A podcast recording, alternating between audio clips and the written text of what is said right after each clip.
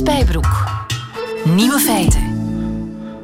Dit is de podcast van eh, woensdag 16 mei. En het nieuws van de dag is natuurlijk dat uw bed vuiler is dan dat van een chimpansee. Ja, dat van u. Het is echt waar, de slaapplaats van een chimpansee is veel schoner dan die van de mens. Dat is wetenschappelijk vastgesteld door onderzoekers van de North Carolina State University. Die hebben de microbiologische diversiteit, zo heet dat, van 41 nesten van chimpansees in Tanzania vergeleken met de bedden van mensen. En uh, wat bleek, in de slaapplaatsen van de chimpansees vonden ze niet alleen beduidend minder lichaamsbacteriën, maar ook minder vlooien, minder luizen en minder bedwansen. Maar vier exemplaren van die vieze beesten in die 41 nesten. Nu, ter verschoning van de mensen moeten we wel zeggen dat zo'n chimpansee elke dag opnieuw hoog boven in de toppen van de bomen een vers nest bouwt, terwijl wij toch altijd weer met datzelfde vieze bed van ons moeten doen. De andere nieuwe feiten vandaag zijn: Anne Frank tapte alles graag schuine moppen. Dat blijkt uit de pas teruggevonden pagina's uit haar dagboek. De opmerkelijke gastenlijst van de Royal Wedding dit weekend, daar moeten we het ook over hebben. En wie daar vooral niet op staat. Italië steekt de middelvinger op naar Europa met een alternatieve munteenheid naast de euro. Daar zijn plannen voor en er worden zes keer meer dieren doodgereden op onze wegen dan wij nu al dachten. Dat zijn nieuwe feiten voor vandaag. Geniet ervan. Nieuwe feiten.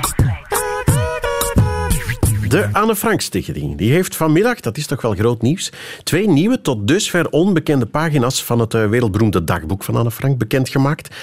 Die zaten verstopt, afgeplakt met bruin papier. Maar nu weten we eindelijk wat erin te lezen staat. En het zijn onder andere, hou u vast, schuine moppen. Peter de Bruin, goedemiddag. Goedemiddag. Meneer de Bruin, u bent een eh, onderzoeker van het Huygens Instituut voor eh, Nederlandse Geschiedenis. Ja, klopt. Jullie hebben dat, uh, dat dagboek, dat beroemde dagboek, onder handen genomen, hè?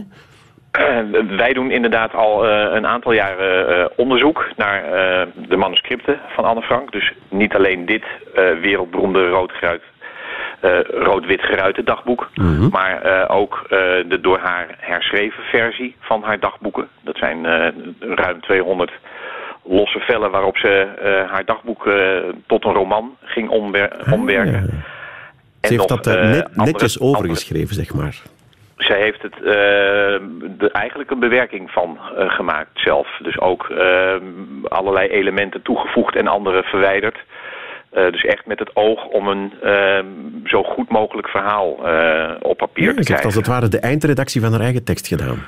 Ja, dat, ja, dat is wel zeggen, ja. Maar goed, er zijn dus twee pagina's die zijn afgeplakt met bruin papier. Heb ik dat goed gezegd? Ja, dat is bruin gompapier, om het helemaal netjes te zeggen. Dat is dus uh, zelfklevend uh, papier. Uh, en als je dat nat maakt, dan kun je dat dus gebruiken om nou ja, bijvoorbeeld een dagboekpagina af te plakken. Yeah. En dat heeft ze gedaan. Heeft ze heel zorgvuldig vijf stroken op elke pagina geplakt, zodat de tekst uh, zorgvuldig daaronder uh, verdwenen is. Ja, en hoe, hoe zijn die nu boven gekomen? Hebben jullie dat papier dan nat gemaakt en die lijm losgemaakt? Of hoe, nee, dat zou echt een doodzonde zijn in, in dit verband, want het, het dagboek is werelderfgoed van UNESCO. Dus dit moet echt, en dat hebben we ook echt heel zorgvuldig gedaan. de pagina's zijn gefotografeerd tijdens een reguliere uh, check van de uh, dagboeken. Dat gebeurt eens in de zoveel jaar. Ja. Um, maar de opnames die van deze pagina's zijn gemaakt... die zijn wel met een speciale techniek gedaan. Namelijk met een hele korte flits aan de ene kant van de bladzijde. Dus dat is een tweeduizendste van een seconde. En aan de andere kant van de pagina was een camera opgesteld... die een foto op dat moment maakte. En daardoor, door die felle maar korte belichting, zijn de letters onder dat papier uh, al voor een deel zichtbaar geworden. Ah, ja, ja, krijg je een soort schaduwspel, zeg maar. Maar dan in een fractie van een Ja. seconde, heel veel licht. En dan kan je lezen wat erin staat. Uh, dan moesten we eerst nog uh, verschillende bewerkingen in, een, in een fotoprogramma toepassen. En hier was het geluk eigenlijk dat de inkt van de bladzijde die afgeplakt was... iets donkerder was, want die was natuurlijk niet aan licht blootgesteld... dan de andere kant van de pagina. Dus we konden ehm, het verschil in kleur gebruiken om eh, de tekst Ja, om die we de tekst te wilden lezen. lezen, eh, sterker naar voren te krijgen. Zeg, nu heb ik uit het persbericht begrepen dat, dat Anne Frank daar... Is dat echt waar dat ze daar schuine moppen heeft in uh, verstopt? Ja, vier in getal, kan ik u vertellen. Maar dat is, als je een dagboek kent, niet uitzonderlijk, want dat deed ze wel vaker. Er staan meer schuine moppen in haar dagboek. Um, ze luisterde daar naar de radio. en dat was nog eigenlijk de enige vorm van Communicatie met de buitenwereld. Ja, ja, en ook dus ze vertelt regelmatig moppen na, ook die haar vader vertelt of die andere onderduikers vertellen. Maar hier heeft ze er vier onder elkaar opgeschreven. Ja, Zou u er eentje van kunnen vertellen? ik zal de kortste voorlezen. Oké. Weet u waarom de Duitse weermachtsmeisjes in Nederland zijn? Als matras voor de soldaten. Nou, okay. uh, ik laat aan de luisteraar over of het een goede grap is of niet. Maar het is toch wel opmerkelijk, hè? dat is een meisje van 13 jaar, zeg. Die dat soort dingen... En, en vooral, ja, Anne Frank, je associeert dat niet met dat soort teksten, hè? Nee, maar dat komt natuurlijk ook omdat in de uitgave van het dagboek zoals die eigenlijk door iedereen gelezen wordt, uh, zijn dit soort uh, eigenlijk haar puberale beginteksten zijn daar uh, niet in terechtgekomen. Ja. Maar dus in het volledige integrale dagboek staan ze wel. Dus als deze pagina's zijn afgeplakt, is dat dan omdat dat echt hele gore moppen zijn, waarvan ze vond dat niemand die mocht lezen? Of? Uh, nee. Uh, we weten niet waarom ze deze pagina's heeft uh, afgeplakt. Maar vanwege die moppen zal dat zeker niet geweest zijn. Want die komen, zoals ik zo net zei, nog wel op andere plekken ook in het dagboek voor. Ja, zijn het alleen maar grappen die er op die twee nee, pagina's staan? Op de rechterpagina, uh, daar gaat ze een uh, andere tekst uh, schrijven. en dat is wel interessant, of in ieder geval bijzonder dat dat meer afwijkt ten opzichte van wat we al kennen. die tekst begint ze met de volgende regels. Ik verbeeld me wel eens dat iemand bij me zou komen en mij zou vragen hem over seksuele onderwerpen in te lichten. Hoe zou ik dat dan doen? Hier is het antwoord dubbele punt. En dan volgt dus eigenlijk een feitelijk uh, verslag van uh, hoe seksualiteit in elkaar zit. Uh, en gaat ze ook vertellen dat uh, sommige mannen om seks te hebben naar prostituees gaan. En schrijft ze daarover dat haar vader dat heeft, haar dat heeft verteld. Ja. Was, nou, was dat, normaal voor 13-jarige meisjes in die tijd? Of, uh... In die tijd uh, uh, zeker niet. Ehm, seksuele voorlichting ehm, gebeurde niet in alle openheid. Hè, in, mm -hmm. in de meeste gevallen. Ja, precies. Maar van, van Anne Frank weten we dat haar ouders daar heel vooruitstrevend in zijn geweest. En dat lees je dus hier eigenlijk uh, rechtstreeks terug. Ja, je leest dus echt... Anne Frank beschrijft hoe ze door haar vader is voorgelicht. Onder andere over prostitutie. Ja. Dat is toch wel opmerkelijk. En het aardige is dat we... We wisten dat uit een veel latere brief. In maart 1944 schrijft ze... Uh, dan herinnert ze zich uh, de beginperiode uit het achterhuis, hoe ze daar kwamen. En hoe haar vader met haar over dit soort onderwerpen sprak. Mhm. En dan schrijft ze ook, uh, vader heeft me ook verteld over prostituees. Maar Goed, dat is een laatste herinnering. verteld en, heeft, dat wisten we nog niet tot vandaag dus. Ja, uh, dus daarmee doelden ze eigenlijk op deze twee afgeplakte pagina's. Op deze passage die nu is bovengekomen. Ja. Zeg, die twee pagina's, gaan die toegevoegd worden aan eh, de nieuwe editie?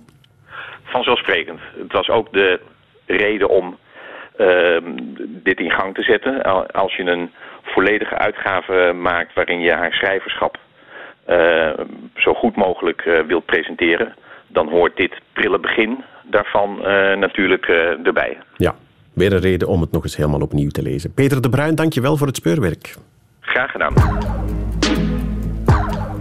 Nieuwe feiten. In Londen is het deze dagen al H&M wat de klok slaat. En dat bedoel ik niet Hennes en Maurits, de supermarktketen, maar wel Harry en Meghan, de royal wedding. Daar hebben we dus een royalty watcher voor nodig. Dag Jo de Porter. Goedemiddag. Jo. Um, het huwelijk is pas zaterdag, maar je bent er nu al. Ik, ik kan me voorstellen... Ik ben al van maandag. Het is, het is een ziekte. Ik ben al van maandag. Je bent gek. Uh, ik, jo, je weet, ik, ik had mij voorgenomen in mijn carrière om nooit de vraag te stellen, maar het moet. Jo, hoe is de sfeer daar? Wel, de sfeer, in ieder geval, het is bewolkt tot betrokken met zeer grijze wolken boven Buckingham Palace en boven Clarence House. Dat is waar de, de majesteit zich ophoudt en Prins Charles. En daar worden zeer lelijke dingen uh, gezegd op dit moment uh, in het genre van uh, I told you so and I'm not amused. Zowel Charles als zijn vader Philip waren niet zo echt voorstander van dit huwelijk. Niet dat ze tegen dat meisje waren, maar dat ze dit voorzien en verwacht hadden wat er nu allemaal aan het gebeuren is namelijk dat die hele omgeving van uh, Meghan Markle ja, uh, onbetrouwbaar, raar, vreemd, uh, voor drie dollar hun hebben en houden willen geven. En dat is nu in een soort van feuilletonvorm allemaal aan het gebeuren sinds een aantal dagen geleden. En het wordt er iedere dag erger bij en de schade die aan het Koningshuis veroorzaakt wordt, wordt iedere dag groter. Oh, heerlijk smullen hè, voor de pers. Ik, ik heb zoiets opgevangen van die vader hè, van, van Meghan. Wat, wat is daarmee aan de hand precies? God, die vader, dat is, dat, is een, dat is een heel groot drama. Die man is, is vooraan in de 70, niet zo goede gezondheid. Woont in zeer schabouwelijke omstandigheden in een kuststadje in, in uh, Mexico. En heeft, um, heeft eigenlijk een beetje zijn ziel aan de duivel verkocht. Heeft vorige week uh, geld gekregen van de pers om zogezegd foto's. Er zijn foto's van hem verschenen en achteraf bleek dat die foto's geposeerd waren. Dat hij, hij zat in een café, hij zat een boek te lezen over Images of Britain. En dan leek het of ze hem daar betrapt hadden. Maar hij is daar eigenlijk voor betaald. Er zijn ook foto's van hem uh, verschenen waar hij schijnbaar een trouwpak aan het passen is. En de man die hem dat trouwpak aanpast is niet eens een kleermaker. Dus dat is aan de oppervlakte gekomen dat hij daar 1500 dollar voor gekregen heeft, de arme man. Terwijl die foto's de wereld rondgegaan zijn en uh, tien, het honderdvoudige hebben opgebracht. En zowel uh, Meghan als de koningin zijn zo kwaad geworden dat er sindsdien allerlei dingen over en weer gebeurd zijn, waardoor de goede man gezegd heeft, ja, maar eigenlijk ben ik niet zo lekker en ik heb iets aan mijn hart. En weet je wat, ik blijf lekker in, in Mexico. Dus zoals het er nu naar uitziet, is de man die haar naar het altaar zou brengen, haar biologische vader, die zal hier zaterdag niet uh, aanwezig zijn. Um, en ja, dat komt door die, die slechte omgang. Die natuurlijk, het is raar, want die man heeft een verleden in, in Hollywood. Hij is, um, uh, hoe heet het, uh, lichtman geweest van een aantal bekende series, waaronder Married with Children. Dus het is niet dat hij nooit met celebrity of met persaandacht te maken heeft gehad. Maar dit is toch een beetje overweldigend voor al die ja. halfzussen en vaders en moeders. Oh man, wat een ellende allemaal. Zeg, die, die, enfin, amuse or not, dat huwelijk dat komt er. Hè? Hebben we al enig idee ja. hoe, die, hoe die dag gaat verlopen? Wat, wat gaat er gebeuren? Wat zijn de hoogtepunten? Het is helemaal uitgestippeld hoe die dag gaat verlopen. Het centrum van de dag is uh, namelijk de viering zelf. De, de, de uh, christelijke viering in de kapel van St. George in Windsor. Die door uh, de aartsbisschop van Canterbury en de dean van Windsor zal geleid worden. Dus daar zijn 800 mensen uitgenodigd. En dat is het centrum van de dag. Daarna is er nog een rondgang met de koets door Windsor. Dan is er een receptie uh, en, uh, voor die mensen die in de, in de kapel aanwezig waren. En s'avonds is er nog uh, een feestje in Frogmore House, dat is ook in, in Windsor, voor de beste vrienden van de bruid en het bruidspaar. En dat zijn er 200 bij elkaar. 200 zoiets. Is het waar, Jo, wat ik ergens heb opgevangen, dat Theresa May, de premier, niet is uitgenodigd op het feest? Uh, nee, er zijn heel veel mensen die verwachten uitnodigingen die zijn heel teleurgesteld. En nu er zijn sowieso heel veel mensen teleurgesteld, omdat er standaard bij zo'n huwelijk een, een veelvoud van het aantal mensen gevraagd wordt wat er nu gevraagd is. Dus heel veel mensen zijn uit de boot gevallen. Um, Theresa May bijvoorbeeld, de Obama's bijvoorbeeld, Trump bijvoorbeeld. Dus ze hebben echt uh, gekeken naar wie zijn de mensen die we kennen, waar we een band mee hebben. En er, zijn, er is maar een klein lijstje bekend van ook uh, celebrities, bekende gasten die zullen komen. Usual Suspect bijvoorbeeld um, John is daarbij. Gisteren yeah. is bekendgemaakt dat ook de Spice Girls daar zullen zijn. Yeah. Serena Williams. Maar buiten dat krantje, uh, en behalve natuurlijk de familie, en dan is het ook belangrijk te weten dat de familie van uh, overleden prinses Diana, dus de Spencer-familie, daar wel aanwezig zal zijn. En haar zus zal ook spreken op de dienst. Maar wat ze eigenlijk willen is zoveel mogelijk ehm, bedekt houden of geheim houden tot zaterdag zelf. Want er zijn nog andere dingen. Bijvoorbeeld zaterdag gaat zij ook een titel krijgen. Zij, is nu Miss Markle. Ze wordt zijn echtgenote. Zij krijgt een titel van hertogin en gravin aanstaande zaterdag. Dus dat zijn dingen die... Ja, nu wordt er nog gespeculeerd welke titel het zal zijn en zo. Um, ja, jo, nog één ding. Nog één ding. Zoveel... Ja? Wat ik wil weten is de souvenirs. Heb je al souvenirs gekocht? Meestal rond zo'n huwelijk is er altijd souvenirgekte, hè? Ik heb heel veel weerstand geboden aan, want er, is hier, er zijn hier t-shirts en tassen en hun afbeeldingen staan op vlaggen en op bussen en zo. Je kan een tour doen met zo'n Royal T-bus. Maar um, ik heb niets gekocht en, en wat, wat wel het, het allerfrappantste uh, of het leukste was, is dat er ook hier in de, in de krantenkiosken een, een kotszakje ligt uh, met Meghan en uh, Harry hun afbeelding op. Voor mensen die het allemaal te veel wordt en ongemakkelijk zouden worden na al die dagen van koninklijk nieuws en koninklijk festiviteiten. Maar ik zelf heb me nog kunnen uh, bedwingen. Ik weet niet voor hoe lang, maar ik heb me kunnen bedwingen. Ach joh, laat je gaan. Kom aan. Het is maar één keer dat ze gaan trouwen. Fantastisch. Dankjewel voor de toelichting, Jode Porter. Goedemiddag. Nieuwe feiten. Economen vanuit heel Europa kijken vandaag met veel interesse naar een, eh, een, ja, een Italië waarvan ze zich afvragen wat is daar aan de hand. De populistische partijen Lega Nord en de Vijf Sterrenbeweging die smeden plannen om een uh, regering te vormen. En ze willen een, ja, hoe moet ik het zeggen, een middelvinger opsteken naar Europa in de vorm van, hou je vast, minibots. Goedemiddag, Ivan van de Kloot. Goedemiddag. Minibots, hè, dan denk je aan mini-robots, maar daar heeft het absoluut niks mee te maken, hè? Nee, het gaat eigenlijk over een soort parallele munt, een nieuw soort munt dat uh, alleen voor Italië zou gelden. Dus als dat, iets dat naast de euro zou kunnen bestaan. En dat zou gecreëerd kunnen worden door de Italiaanse staat in de vorm van, van een soort kasbon, een soort schuldtitel. Um, en de Italiaanse staat zou daar haar eigen aankopen bij leveranciers en dergelijke mee kunnen betalen. Maar ook Italiaanse burgers zouden daarmee kunnen betalen, uh, onder meer hun belastingen en dergelijke. Ja, ja dus, dus je hebt een soort munt naast de munt. Ja, en dat is natuurlijk omdat um, de Italianen niet, niet zo tevreden zijn met hoe Europa hen regels oplegt. Zij hebben het heel moeilijk met de begrotingsregels. Nu, dat is historisch natuurlijk al zo. Uh, Italië heeft een overheidsschuld van meer dan 2300 miljard euro. En um, het is niet evident dat daar nog veel gaat bijkomen. Ja. En ja, in de verkiezingsbeloftes, want het, daar gaat het natuurlijk over. Het is een soort opbod geweest in de verkiezingen. En omdat ja, er is een groot wantrouwen bij de Italianen tegenover Europa. Um, ehm, 50% van de Italianen zegt in enquêtes geen vertrouwen te hebben in de, de euro. 17% is maar tevreden met de Europese Unie, hoe, zij te werk gaat. Dus daar is een groot wantrouwen. Dat is natuurlijk um, handig benut geweest door twee partijen. En heeft dat te eh, maken met het feit dat er zo'n gigantische staatsschuld is? En ik neem aan dat Europa vindt van ja, er moet iets aan gedaan worden, die moet naar beneden, er moet bespaard worden en zo. En de Italianen hebben daar geen zin in? Of uh, hoe moet ik dat zien? Ja, en dat, is, en dat is natuurlijk een rode draad door de geschiedenis. Vroeger had Italië zijn eigen munt, de lire. Mhm. En dus elke keer dat het in problemen kwam, dan drukten ze gewoon extra geld. En dat leidde dan wel tot een ontwaarding en devaluatie van de lire. En dat vonden wij als toeristen natuurlijk leuk. Dan konden wij goedkoper naar Italië op vakantie. Maar vandaag uh, kunnen ze dat technisch officieel niet meer binnen de euro. Maar daar bestaan dus handige uitwegen voor. Uh, ze zijn wel niet zo heel kosher. De Europese instellingen gaan dat niet graag zien. Nee, nee, nee. Uh, maar bijvoorbeeld in Griekenland is dat soort piste ook bewandeld geweest. Griekenland wist ook, wij hebben 80 miljard lonen die we moeten uitbetalen. Als we die nu eens uitbetalen in een lokale interne munt, dan kunnen we onze internationale betalingen in euro blijven doen. En dus elk land, officieel is het lid van de Europese Unie uh, en, en, en, en voor die landen ook lid van de euro. Maar in principe is er niets dat een technisch beleid om een soort parallele munt in te voeren. Wauw, en in Griekenland hebben ze dat dus al gedaan?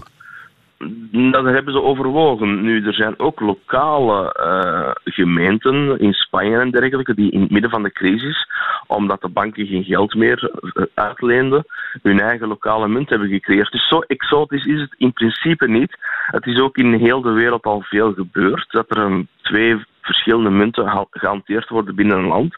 Zuid-Amerika heeft dat heel, heel regelmatig gedaan. Maar zo exotisch is het ook niet voor ons. denk maar eens aan maaltijdchecks als je uh, je maaltijd of eh, inkopen kan doen met maaltijdchecks, eigenlijk is dat ook een vorm van een parallele munt. Maar dit is Om, de Omdat een maaltijdcheck een stuk papier is, of tegenwoordig is dat een bankkaart, waar je mee kan betalen, en dus is het een betaalmiddel? Moet ik het zo zien? Ja, wat is eigenlijk geld? Geld dat is gewoon een afspraak tussen de gever ervan en de ontvanger. Dat, de, dat men iets van waarde overhandigt, dat men iets verschuldigd is. Ja. Maar vertrouwen heb ik ook wel eens horen zeggen. Geld is ja, vertrouwen. Is gestold, gestold vertrouwen, zeggen we dan. Ah, um, maar eigenlijk is het natuurlijk vooral een politiek verhaal. Er zijn twee partijen die voor de kiezer uh, hun gunst hebben gedongen met heel populistische beloftes, verkiezingsbeloftes. De andere partij, uh, de Vijf Sterrenbeweging, heeft bijvoorbeeld het basisinkomen uh, beloofd aan de kiezer. Nu, de vraag is, wordt de soep zo heet gegeten als opgediend? Want dat zijn allemaal straffe beloftes, maar de vraag is, hoe realistisch is dat?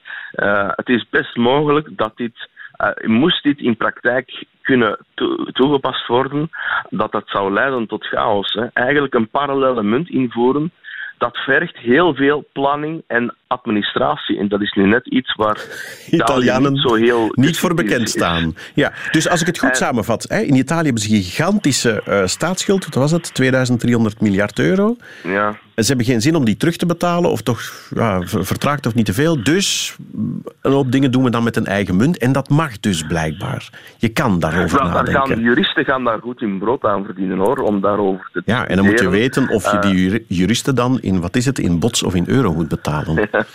ja, als het, als het binnenlandse juristen zijn, voor de interne markt zal men die parallele munt kunnen gebruiken. Ja, ja. Nu, het is natuurlijk een soort confrontatiekoers waar men eigenlijk een vuist maakt tegen Europa.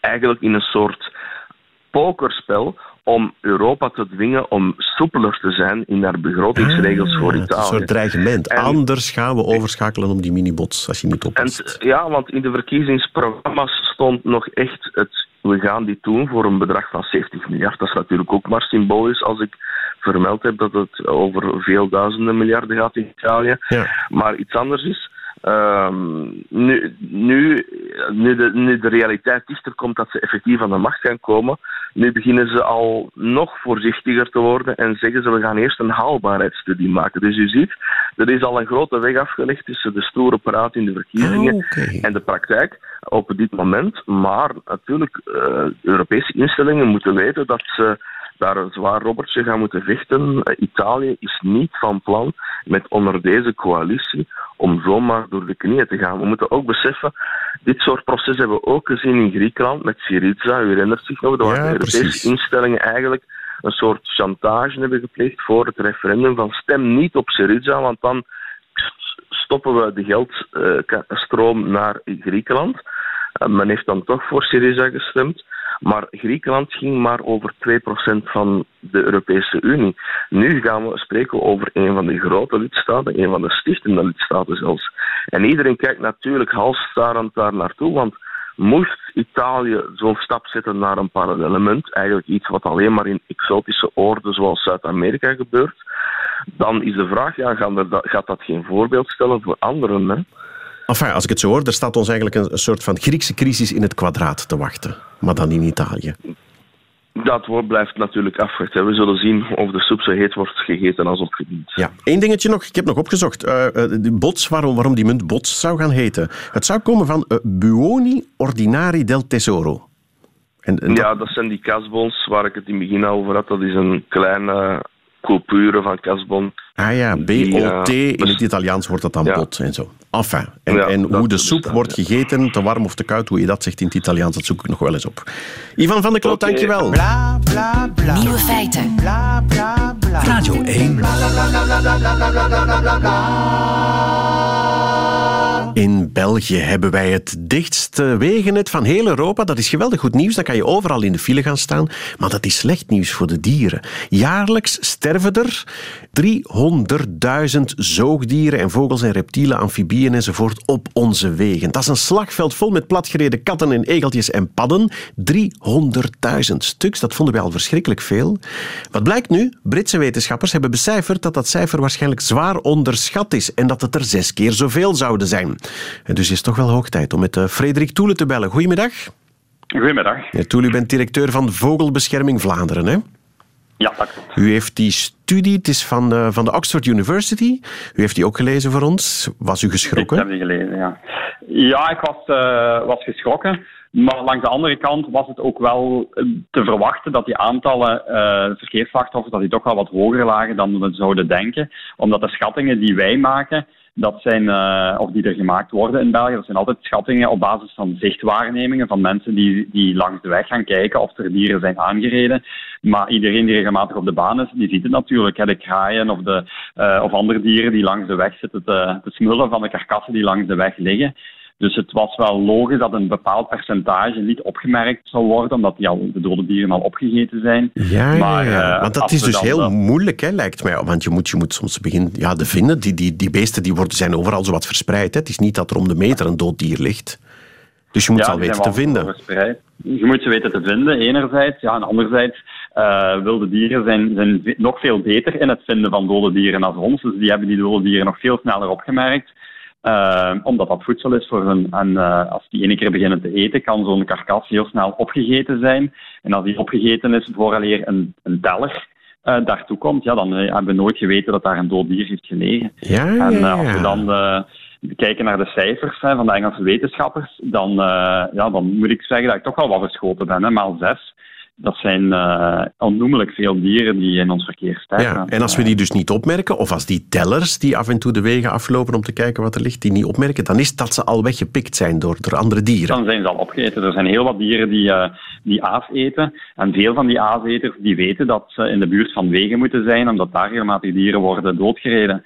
En zodra er dan een dier wordt doodgereden, ja, dan profiteren die, die vogels of die vossen ervan om zo snel mogelijk dat karkas te gaan opeten. Ja, die zitten daar aan te wachten. Wat, wat voor, wat voor aaseters zijn dat dan? Uh, dat, gaat, dat zijn verschillende soorten. Uh, dat gaat van vossen tot buizerden, tot meeuwen, tot kraaiachtige. Uh, katten en honden die profiteren daar ook wel af en toe van, en loslopende dieren. Uh, er zijn heel wat dieren die daar, uh, die daar echt wel van profiteren en die soms heel snel zo'n karkas volledig naar binnen kunnen werken. Ja. En dat maakt dat, uh, dat wat wij zien een hele zware onderschatting is. Want dat is ook niet zonder risico voor zo'n dier natuurlijk. Hè? Als je midden op de weg een lekker hapje moet gaan halen, riskeer je zelf. Ja, en dat zien we in de opvangcentra voor zieke en gewonde wilde dieren bijvoorbeeld. Daar komen regelmatig buizers binnen bijvoorbeeld die aangereden zijn. En dat zijn dan dieren die van een al aangereden ander dier aan het, aan het eten waren. Dus um, wachten op aangereden dieren heeft veel voordelen, want er zijn veel aangereden dieren, maar heeft natuurlijk ook als nadeel dat je zelf als aaseter uh, het slachtoffer dreigt te worden van het verkeer. Dus het is een beetje dubbel. Ja, voor wat hoort wat, hè? Voor wat hoort wat. Zo is dat. Zeg, als ik nu, stel nu, ik ben zo'n zo'n kraai of zo'n extra of zo'n vos voor en ik vind een aangereden dier. Ja. Um, gesteld dat ik dat zou willen opeten. en het er nog een beetje appetijtelijk uitziet. Enfin, uh, wat zullen we zeggen, een hert of zoiets, iets groots dat er ja, lekker uitziet. Mag ik dat opeten? Aanraden. Uh, ik zou het niet direct aanraden om het op te eten, maar dat is, het is eigenlijk een heel moeilijk evenwicht. Omdat zelfs de wetgever is niet heel duidelijk of dat nu mag of niet. Sowieso, als zo'n dier zoals een ree bijvoorbeeld, dat uh, behoort tot het jachtwild. Mhm. Mm -hmm. En binnen die jachtperiode, dus op een ree mag je gelukkig niet heel het jaar doorjagen, maar er zijn bepaalde periodes waarin dat wel mag. En binnen die periode mag je een ree gaan vervoeren om het op te eten. Dus als je in die periode een, een ree vindt langs de weg, dat is aangereden. En, en als het al dood is, als het nog leeft, dan daar zijn dan de opvangcentra voor natuurlijk. Maar als het dood is, dan zou je in theorie dat dier mogen meenemen en, uh, en kunnen opeten. In de praktijk zou ik dat niet direct aanraden, maar in theorie zou dat mogen. Dat is anders bij bijvoorbeeld uh, de meeste vogelsoorten. De meeste vogelsoorten zijn beschermd en je mag daar geen uh, je mag zo'n dode vogel niet bezitten en ook geen delen van die dode vogel. En dat gaat dan over veren of een skelet of zelfs een braakbal van een uil. Mm -hmm. dat, dat, dat is van beschermde dieren, dus dat mag je niet bezitten. Ah ja, En dus als je een, natuurlijk- een dood vogeltje vindt, en het is een beschermde diersoort, veel kans dat dat zo is, Ja. dan mag je dat niet meenemen. Nee, dan mag je dat niet meenemen. Heel vaak vragen mensen dat om bijvoorbeeld uh, dat dier te laten opzetten bijvoorbeeld. En dat zou in theorie wel kunnen. Maar dan heb je een toestemming nodig van het Agentschap voor Natuur en Bos die die uitzondering geeft. Maar zomaar een dier laten opzetten, dat mag niet, omdat men dan nooit kan controleren of dat dier gestorven is door bijvoorbeeld het verkeer, of dat je het zelf gedood hebt om het op te zetten, wat nog altijd soms gedaan wordt, illegaal. Ah, ja, dus uh, dat is niet zo simpel. En dan is de vraag natuurlijk, een dier dat aangereden is en dat je gaat opeten, is dat uw bezit of niet? Dat is een, een dunne lijn. Vandaar dat men er eigenlijk zelf, uh, vanuit uh, ja, het aandeel zelfs nog niet echt uit is of het nu, nu mag of niet. Dus ik zou het er gewoon bij houden dat als je een dood dier vindt, dat je het best doorgeeft aan uh, um, de website dieren onder de wielen.be. Dat is waar al die slachtoffers bijgehouden worden om een overzicht te krijgen van wat er allemaal aangereden wordt. En dat je het voor de rest laat liggen, tenzij het zeldzame dieren zijn. En de, de steenmarters, uh, dassen, dat zijn allemaal dieren die via het marternetwerk van de overheid een beetje in kaart worden gebracht waar dat die zich uh, bevinden en hoe dat die populaties zich gaan uitbreiden. En aan de hand van verkeersslachtoffers kan men op een beetje een lugubere, maar wel een efficiënte manier zien hoe dat die populaties zich, uh, zich gaan uitbreiden. Ah ja, als er meer worden platgereden, wil dat zeggen dat er ja. gewoon meer zijn. Ja, en dan weet men ook in bepaalde niet. Bijvoorbeeld, uh, als het beste voorbeeld is misschien de otter. Um, als er geen verkeersslachtoffers waren gevallen, dan hadden wij nooit geweten, buiten één of twee camerabeelden, hadden wij nooit geweten dat hier in Vlaanderen otters voorkomen. En dus aan de hand van die verkeersslachtoffers weten we dat hier dus voorkomen. Uh, dat weten is één ding. Natuurlijk hopen we dat daar ook lessen uitgetrokken worden uit die uh, verkeersslachtoffers. Ah ja, natuurlijk. Dat wou ik u ook vragen. Hè? Van, van, kunnen we daar nu iets aan doen? Het is ongelooflijk veel, het aantal van de dieren die, uh, die sterven. Wat, wat moeten we daar ja, aan doen? Ja, een tijdje geleden is de, is de tweede wolf die ooit in, in ah, het is waar. Is, is ook meteen aangereden. aangereden. En dat toont maar aan hoe belangrijk dat ecotunnels, ecoducten en zo allemaal wel zijn. Verkeersgasters. En dus elke dag, het is niet 300.000 keer dat dat per jaar wordt aangetoond, maar 300.000 keer maal zes wordt aangetoond hoe belangrijk dat, uh, dat die ecotunnels en dergelijke zijn. En waar dat die ecotunnels al zijn, daar worden die ook heel intensief gebruikt door dieren. Ja. En zeker op die zwarte punten, waar dat veel dieren worden aangereden, is het goed voor de dieren enerzijds, voor de chauffeurs anderzijds, dat die zwarte punten zo snel mogelijk worden, worden opgelost. Ah, ja, het is niet alleen voor auto's en fietsers en voetgangers dat er uh, zwarte punten bestaan, maar ook voor dieren. Ook voor dieren. En die ja, moeten ook opgelost worden. Dat ze daar maar snel werk van maken. Dat is dan wel minder, minder eten voor de vossen en de, en de egels en wat is het allemaal. En de extra's. Maar ja, we hebben liever dat op een andere manier uh, aan hun eten aan hun eten geraken. Ze moeten ervoor werken, vind ik. U heeft groot gelijk. Ja, Frederik Toeren, dank je wel. Nieuwe feiten. Middagjournaal. Salam alaikum. Vandaag is het Ramadan en zoals gewoonlijk staan de kranten vol met artikels over de Ramadan. Enkele exotische namen geven daar wat duiding over de Ramadan. Of ze wel of niet mogen drinken, of ze in hun neus mogen peuteren, of ze wel of niet mogen krabben als ze jeuk hebben aan bepaalde erogene zones. Ik heb ook een exotische naam, dus verwacht dus ook een bijdrage van mij over de Ramadan. Wat ik dus niet ga doen. Ik ga het over mezelf hebben. Ook interessant. Vandaag ben ik naar de kapper gegaan. In het kapsalon zeepte mijn Turkse kapper mijn. Turkse kappers zijn de beste en ook de goedkoopste. En daarna haalde hij zo'n ouderwets klapmes naar boven. Mijn Turkse kapper weet dat ik een gevoelige huid heb en een moeilijke baard. Een combinatie die dodelijk kan zijn.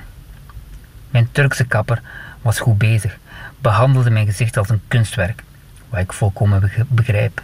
En plots, een snee. Abé, sorry, door Ramadan, die concentratie weg. Mijn Turkse kapper praat anders. Maar ik denk dat jullie het wel leuk vinden als ik van hem zo'n stereotyp cliché maak. En eigenlijk vond ik die snee niet zo erg. En dat komt omdat ik ergens had gelezen of gehoord dat als je bloed verliest, je niet meer hoeft te vasten. En als dat waar is, kon ik gaan ontbijten.